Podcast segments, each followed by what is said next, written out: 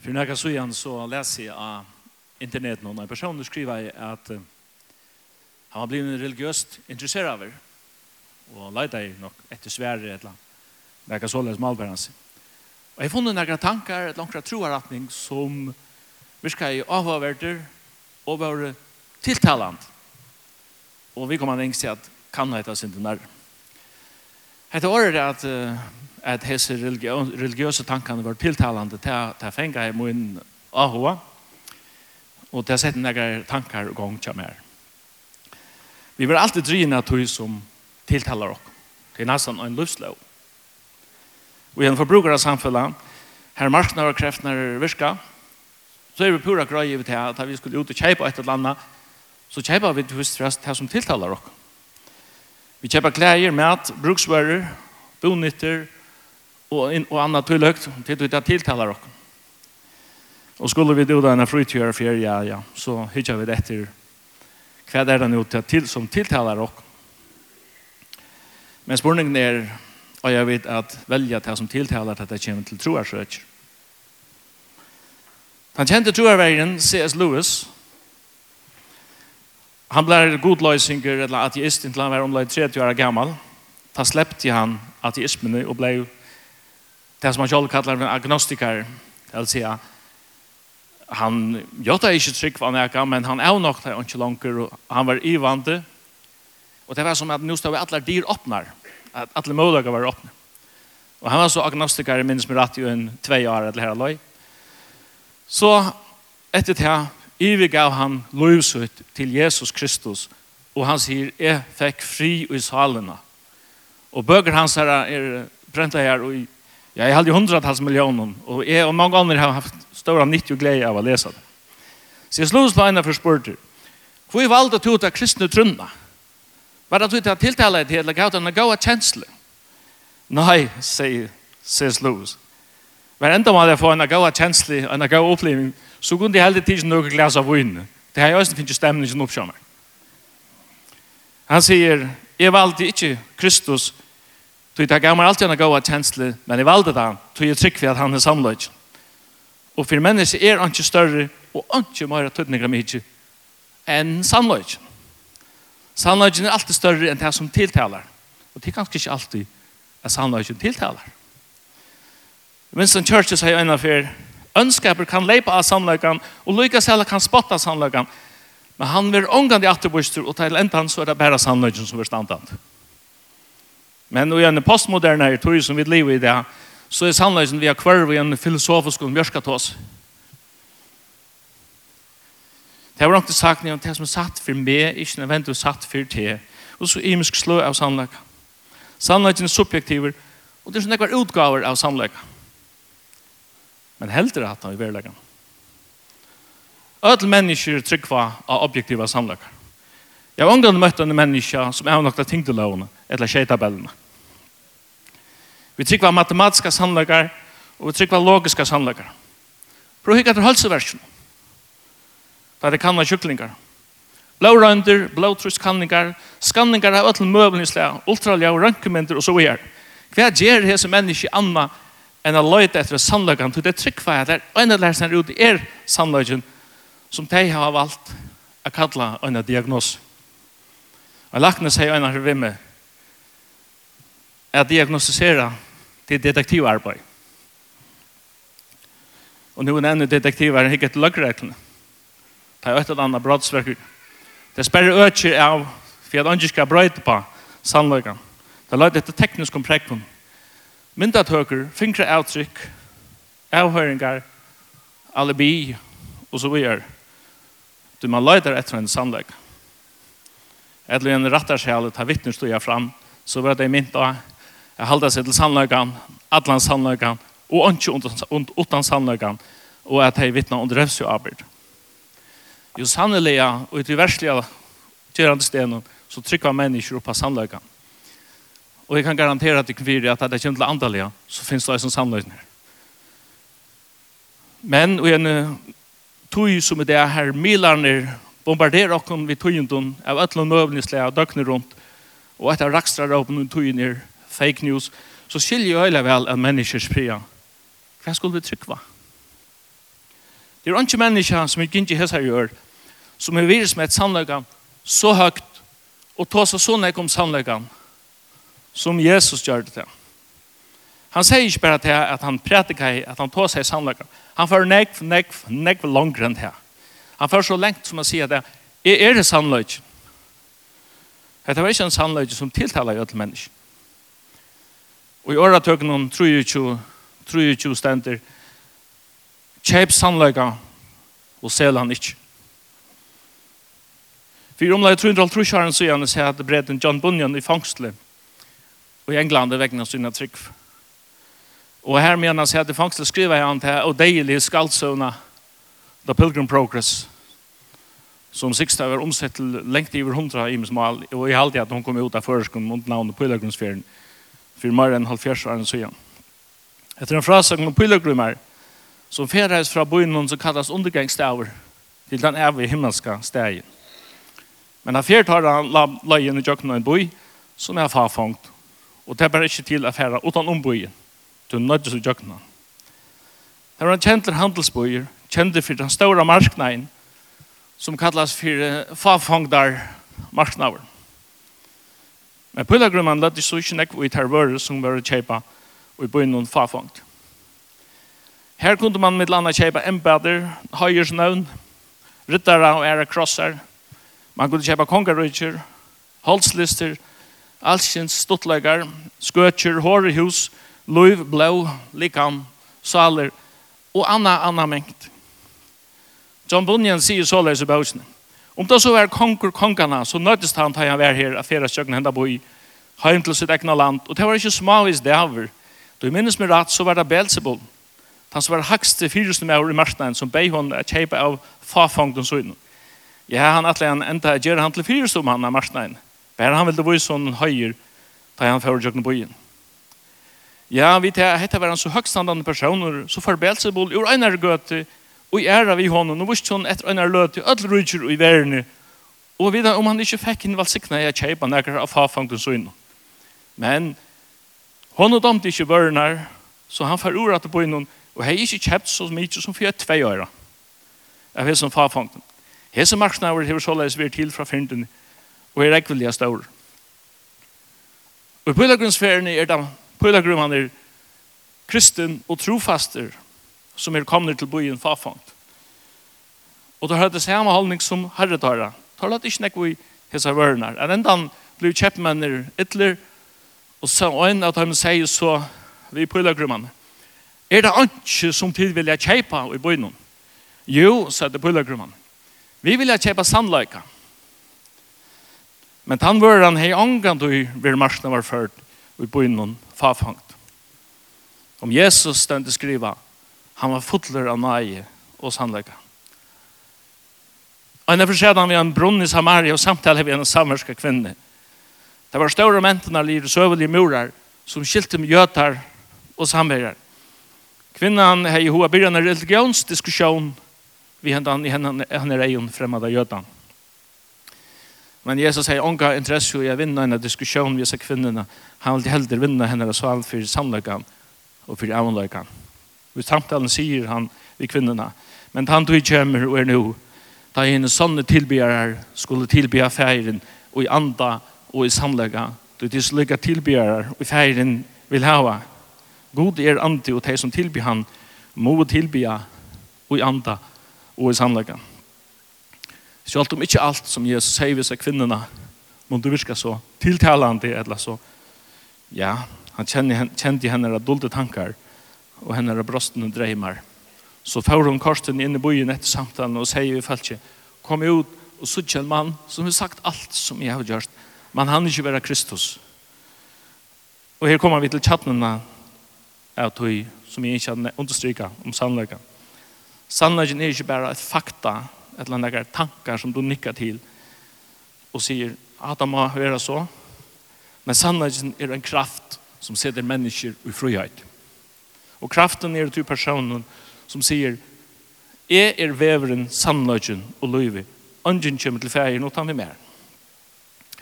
Människans avbjörning det är inte till att sannolikheten är dulter eller oatkomelig. Men sannolikheten kommer vid Jesus Kristus och sannolikheten är uppenbarad. Menneskjans trobladje er ikke det andalige mørkere som menneskjen er i. Men Jesus sier hva det problemet er. Hette domeren at ljøse kom inn i heimen. Men menneskjen elsker av mørkere mer enn ljøse. Tog verktøyre var ønt. Han kom inn i hendan heim for å åpenbære sannleggan. Sannleggan om Gud som skapare, om Kristus som frelsare, om hele andan, andas sannleggans som trøstare, men også sannleggan om menneskja.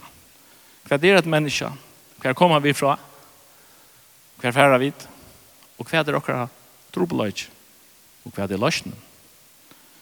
God sender sannløkken inn i heimen som sverger på Ja, Kristus er svære til heimsins ståre nei.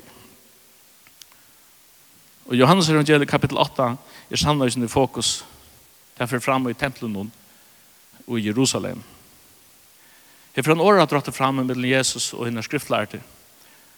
Og det var vel sagt av vanlige mennesker som lurte jo etter samtalen. Og her stender i vers 1 at Jesus sier vi jødene som var kommet til trykk av ham. Vera tid og i åren munnen er det tid av sannnen lærersvenner munner og til skulle skilja sannleggan og sannleggen skal gjøre tikkun frujar.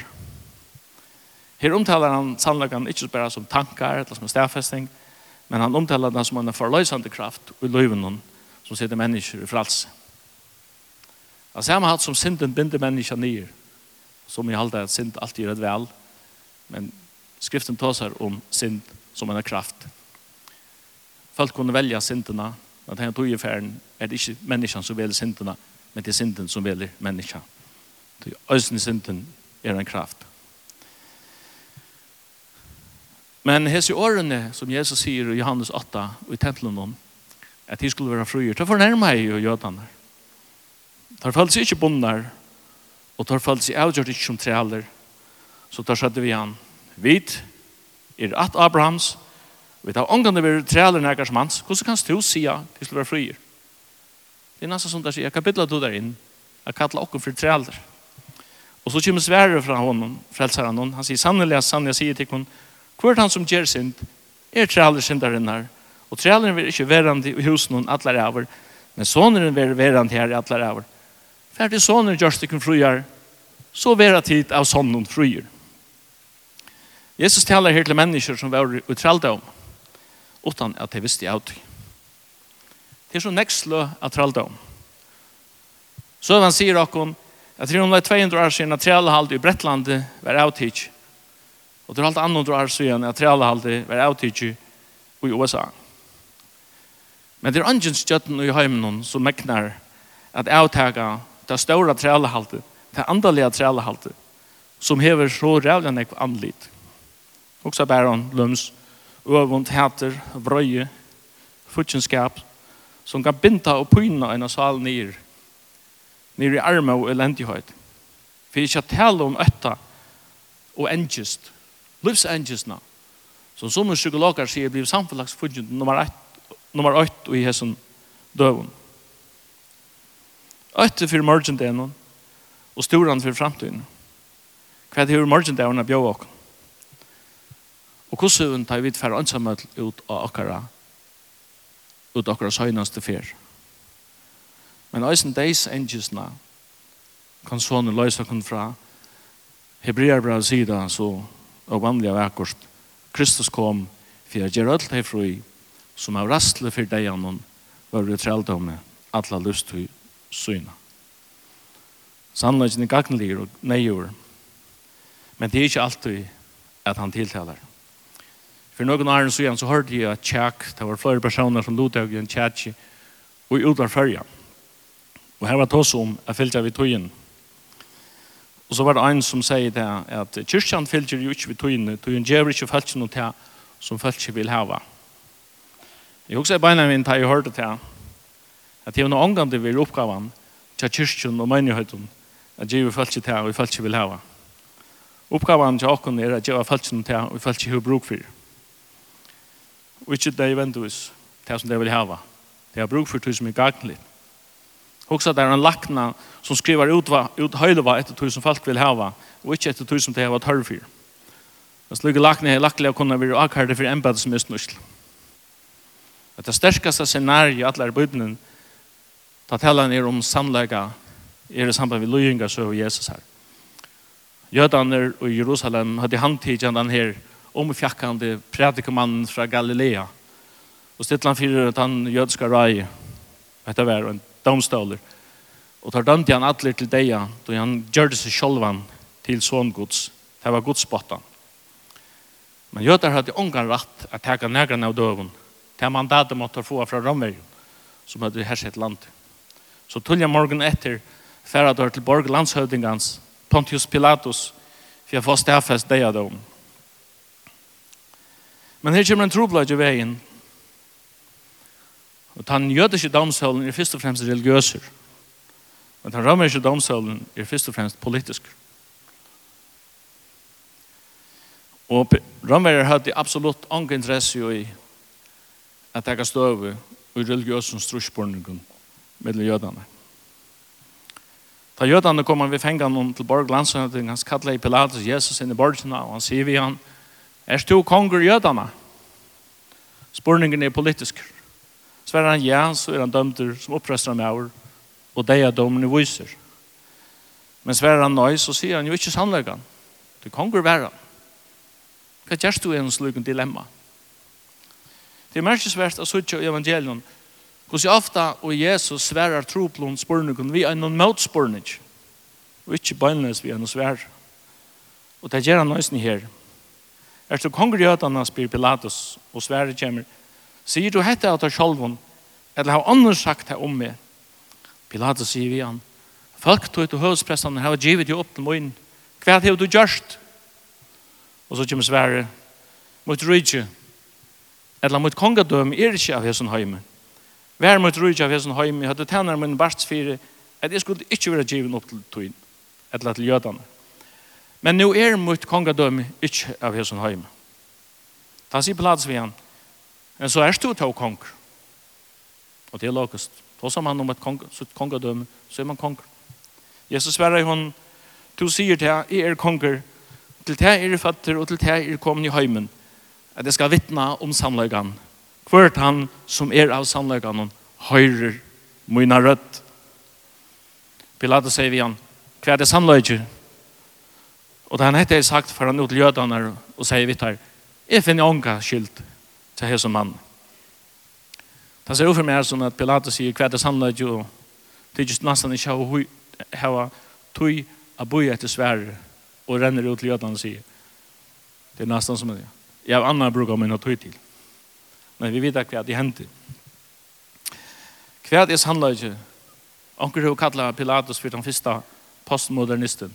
Det er det samme spørninger som er sett i det hei han vidat her, at han stod andre til andre i en mann som ikke bare tog seg sannleggen, men som er hinn inkarnera i Guds sannleggen, åpenbæra over og i holdt og gjennom mannen like.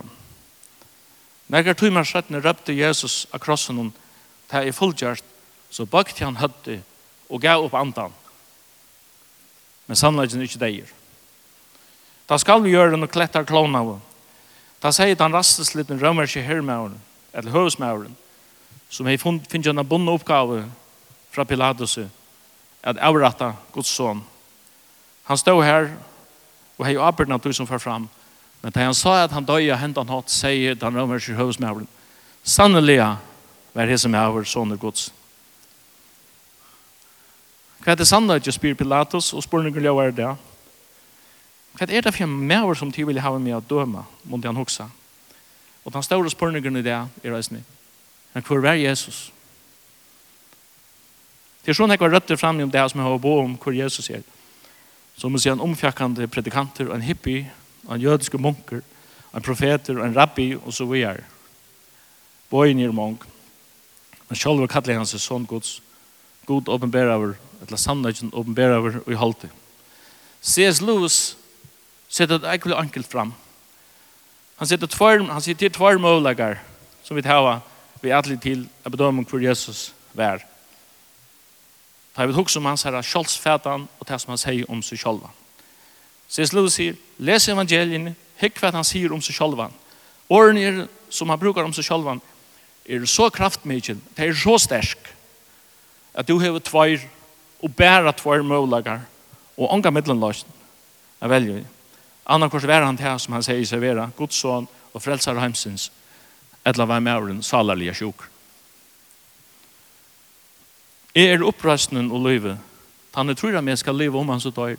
Og hvert han som lever og tror jeg meg skal i alle ræver ikke dødja. Hvor kan si hans i årene? Og han, han tar seg samlega eller har jeg hjemme av en herre. Så han er salarlagna. Og her til sørst, Jesus sier vi lærer oss hva han er. Jeg fer atter til fer i Jeg skal ikke lade at dere ferdigleser etter. Jeg skal sende dere talsmannen være tjatt dere alle det er hele andan som hever negv nøvn i bøyblene, negv høyte. Men det taler så til læresvennene der. Arne Halløy omtaler han talsmannen vi øynes herlige navn. Han kallar han fyrir ante sannløygans. Som heimen ikke kan få tog han ser han ikke og kjenner han ikke, men de kjenner han tog han skal være tjatikon og han skal være utikon. Og ta kommer han til tjattnene og at han skal løye tikkun og i alle sannløyga. Talsmøren, andre sannløygas. Og her til aller sørst, så får jeg bare enda teka årene som Jesus sier ved jødene og ta lyfte som er øysen til tog inn i det. Vera tid i årene nøynen, så er det tid av sann og lærer for en av møyner. Og til skulle skilja sannløygan, og sannløygan skal gjøre tikkun frugjær. Amen.